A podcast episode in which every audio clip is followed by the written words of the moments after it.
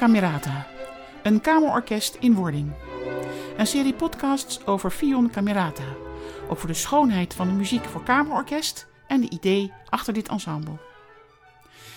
In deze tweede aflevering praten we met Mario Vinken, violist van Vion en vioolpedagoog. Samen met oprichter Varinas heeft zij veel regelwerk op zich genomen om het kamermuziekensemble van de grond te krijgen.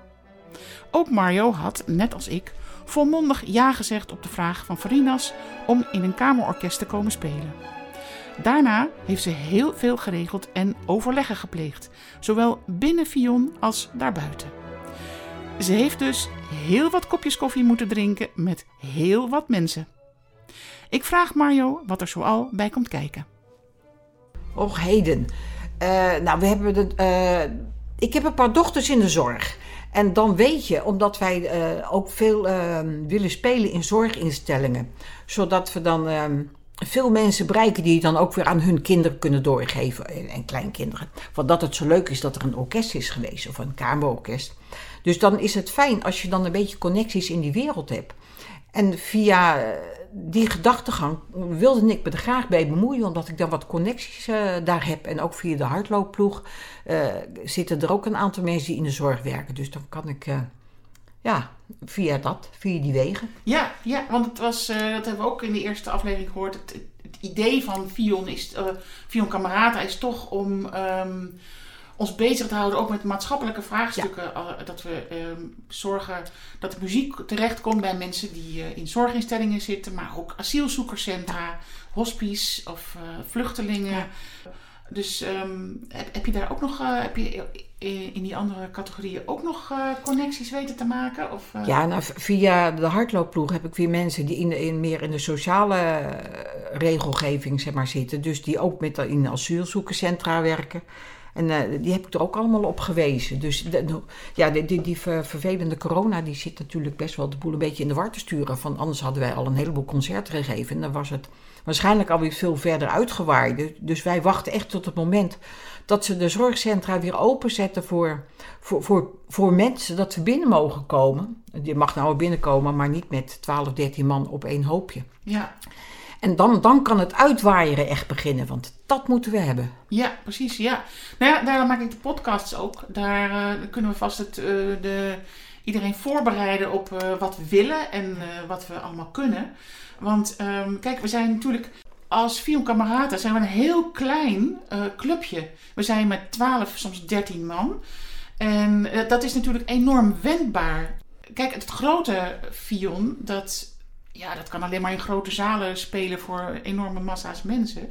Maar een klein ensemble als wij, dat is natuurlijk ook van belang eigenlijk dat dat er is. En maar ja, wat zou nog meer het belang kunnen zijn van ons orkestje eigenlijk? Nou, je verblijdt je publiek en, en, en ook het oude publiek. Je verblijdt uh, de mensen er enorm mee. En als mensen blij zijn, dan, dan leven ze ook gezonder.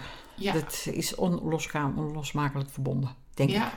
Ja, en we zouden natuurlijk ook in buurthuizen op kunnen ja, treden. Klopt. Als, als de ruimte ervoor is. We gaan nou gelukkig ook het goede jaargetijden gaan we weer in. Dus dan met goed weer kun je ook eerder misschien, al is het half buiten, maar dan, dan kun je ook, heb je meer mogelijkheden. Ja. Of dat het publiek buiten is en wij nog binnen en de, de, ergens tuindeuren open, maar in ieder geval dat, dan, dan kan er meer. En of het een buurtcentrum, asielzoekerscentrum of uh, verzorgingshuis, het maakt allemaal niet uit als je maar mensen bereikt. Ja, en, uh, Mensen bereiken vooral die normaal niet naar het Vion komen. Het gaat dus vooral om mensen die je normaal niet zo makkelijk bereikt. Die niet naar onze concerten komen en die misschien zelfs geen enkel contact hebben met de klassieke muziek. Deels omdat ze het thuis niet hebben meegekregen, maar ook omdat het geen prioriteit meer heeft op de scholen. Ja, ja, de, die er uh, niet mee zijn opgegroeid, omdat het muziekonderwijs op de lagere school en op de middelbare school natuurlijk compleet is wegbezuinigd. En dan heb je sommigen, die hebben dan wel een gitaar op schoot of uh, een gitaarcursus aan, dus die, die kunnen nog wel een keer een liedje begeleiden. Maar als je nou vraagt, ook, uh, ik krijg natuurlijk ook les, als je dan als je, als je vraagt, wat, wat doen jullie aan muziek? Dan krijg ik een, een toets over muziek op school. Nee hoor, doen we niet. Of de, ja, nee, ik heb, ik had, verleden jaar had ik een juf en daar hebben we wel eens een liedje mee gezongen. Maar verder is er niks. Dus als jij al niet, niet liedjes eh, zingt met de kinderen. Ja, dan- kom je ook niet verder als kind in je gedachtegang van... oh, er, liedje, zit muziek bij. Of dat is muziek en er zitten instrumenten bij. En, en wa- wat kunnen die instrumenten nog meer? Dus, dus die belevingswereld, die moet vergroot worden.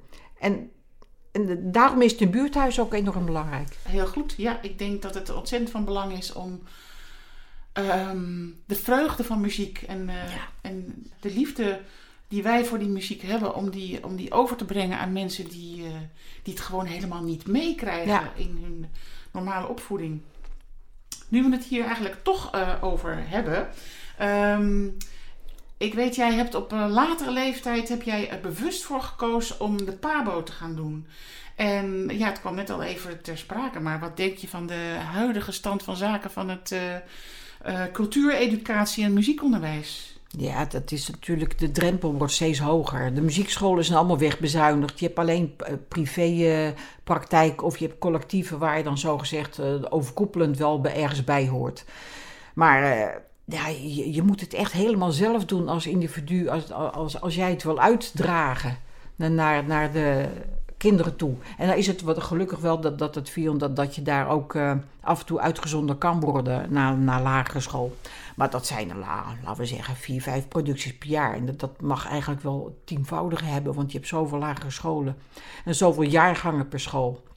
Dus eigenlijk vind ik dat, dat, dat we daar allemaal naartoe moeten. En dat die kinderen, of dat die kinderen allemaal naar ons toe moeten. En de schoolconcerten, die, die voldoen wel in een gedeelte van de vraag, maar lang niet in alles. Omdat het toch te ver weg is. En als jij een klein ensemble hebt, dan, dan, zit er, dan kom je echt in de belevingswereld van die kinderen. Ja. En dat is essentieel.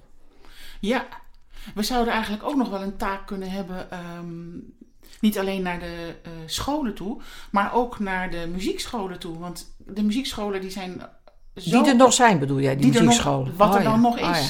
Daar zouden we ook een presentatie kunnen geven. Zeker. Want eh, dat hebben ze inmiddels ook niet meer in huis, denk ik. Nee, Een klein nee. orkestje. Ja. Nee, ja, er zijn natuurlijk overkoepelend. Je, je hebt een, eh, ik heb een aantal leerlingen, die heb ik in eh, Nijmegen op het Hofstadsorkest zitten. En ik heb ze natuurlijk op het AIO wel zitten. Dus je hebt wel orkesten nog waar ze, waar ze kunnen spelen. Maar ze moeten er wel voor reizen. Ja. Ja. Ja. maar ja, dat reizen dat kan ook nog wel eens lastig zijn. Ja, voor zeker. mensen. Ja, want eh, sommigen die, moeten, die gaan dan de eerste paar keer vanuit Arnhem-Noord. Dat zijn er lagere schoolkinderen en die, eh, nou, die gaan dan de eerste paar keer worden ze nog door papa en mama gebracht. En daarna worden ze toch op de trein gezet. Ja. En dan, dan hebben we het over kinderen van 10, 11 jaar. Dus die hebben er dan al behoorlijk wat voor over. En dan spreken ze met een paar vriendinnetjes samen af. Ja, in deze tijd is het natuurlijk geen orkest. Maar eh, dat, dat ze dan, dan samen reizen. Dus ik vind dat al heel pittig. Ja, dat is zeker heel pittig. En dat zijn dan natuurlijk de kinderen die het dan echt willen. Ja.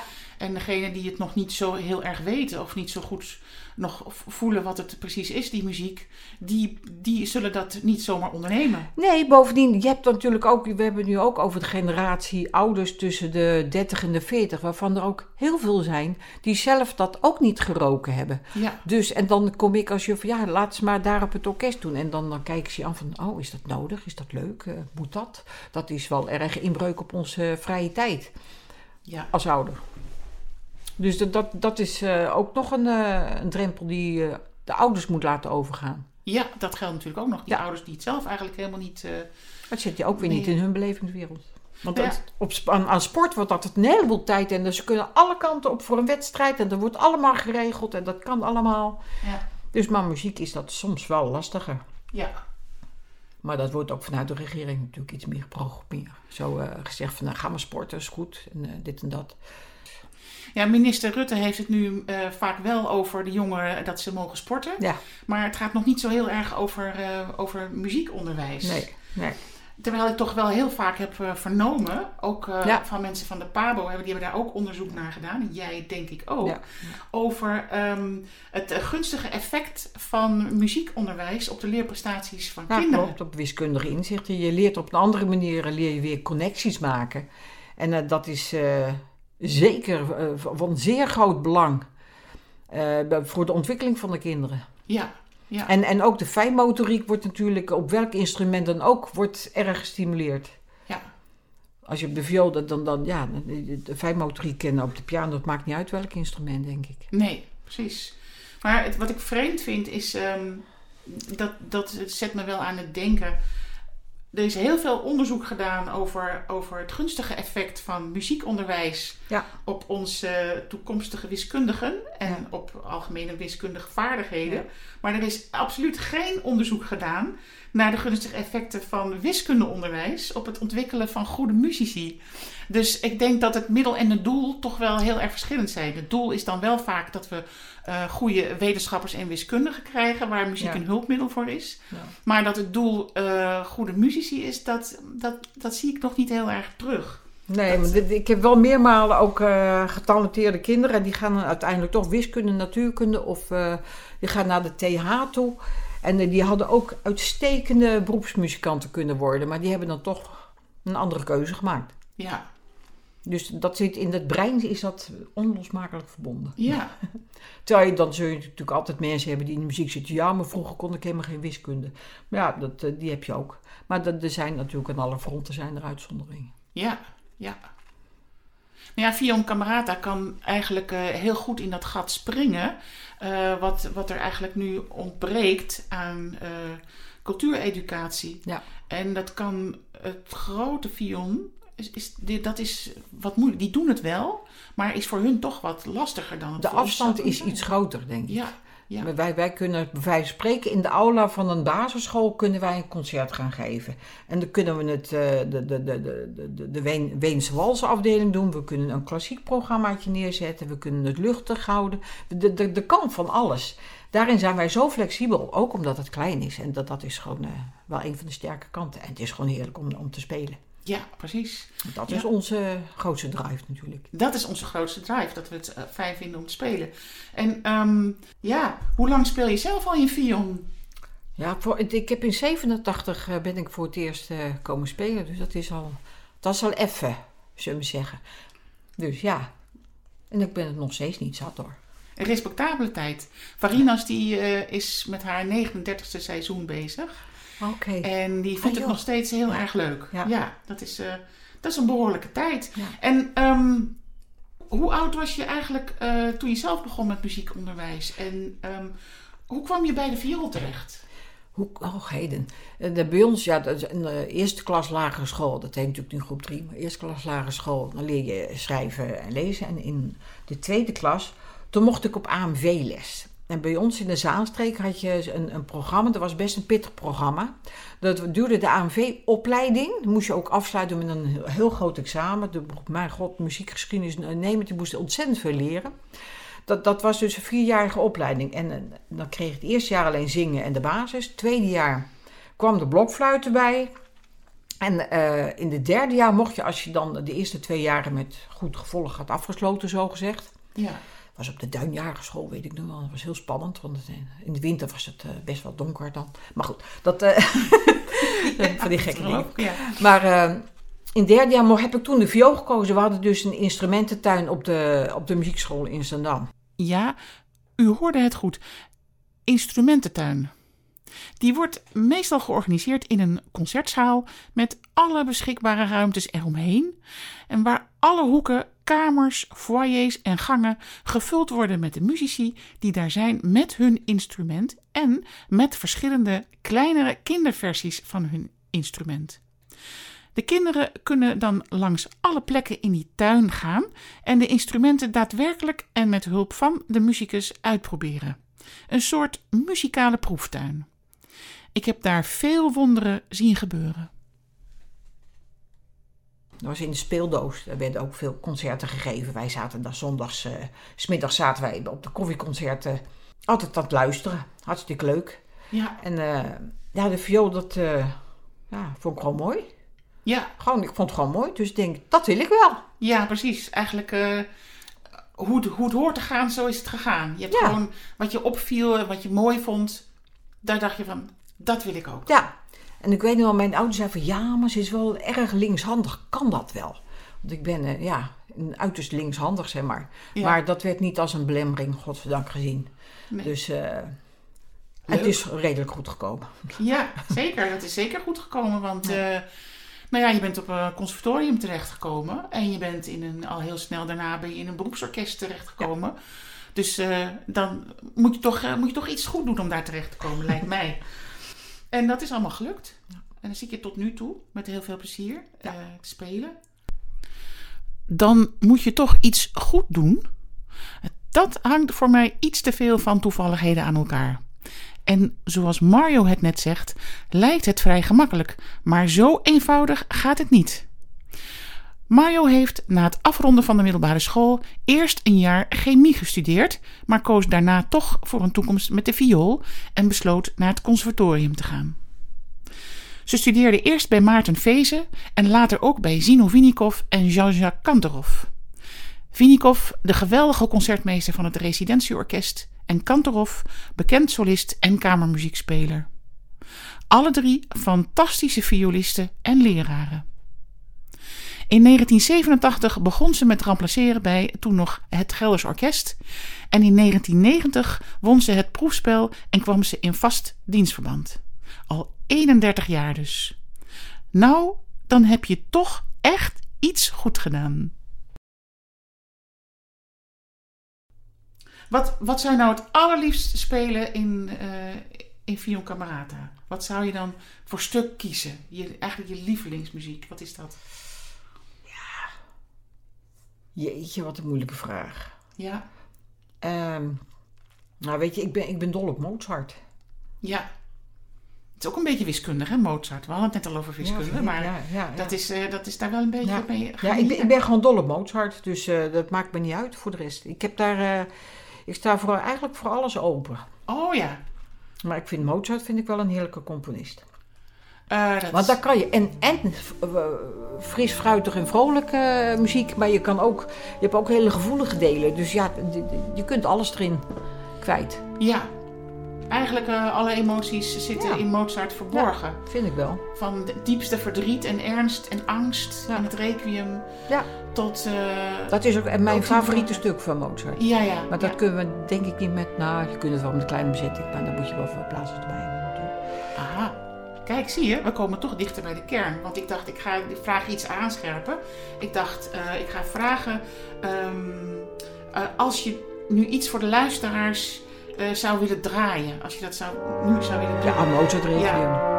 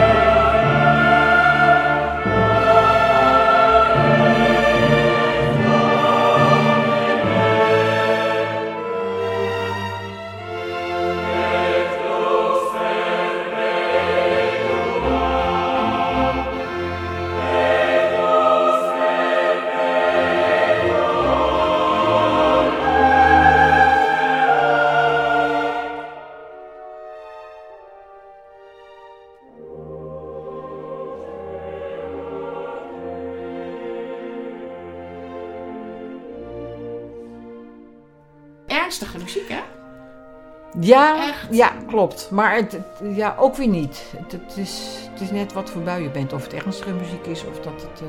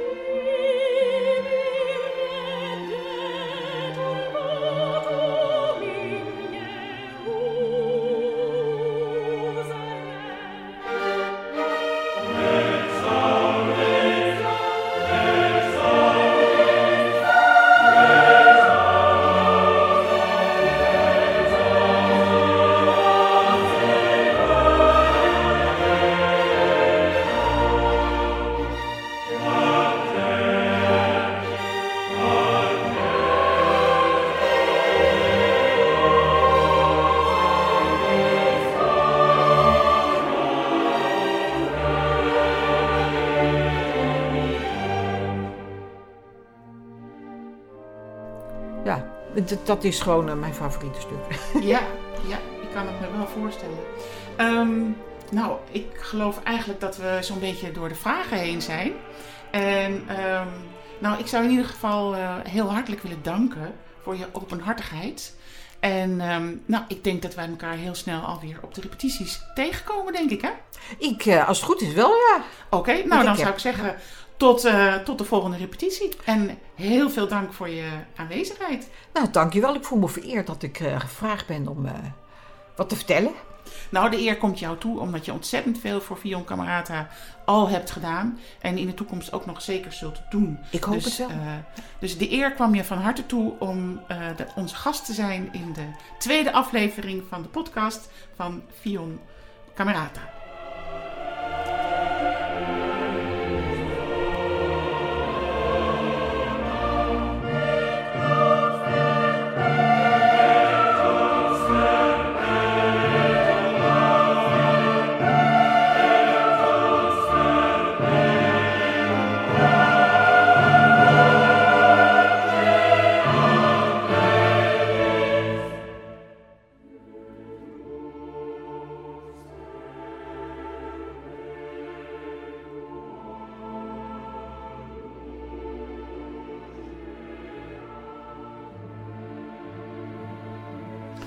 Dit was de tweede aflevering in een serie podcasts over Vion Camerata.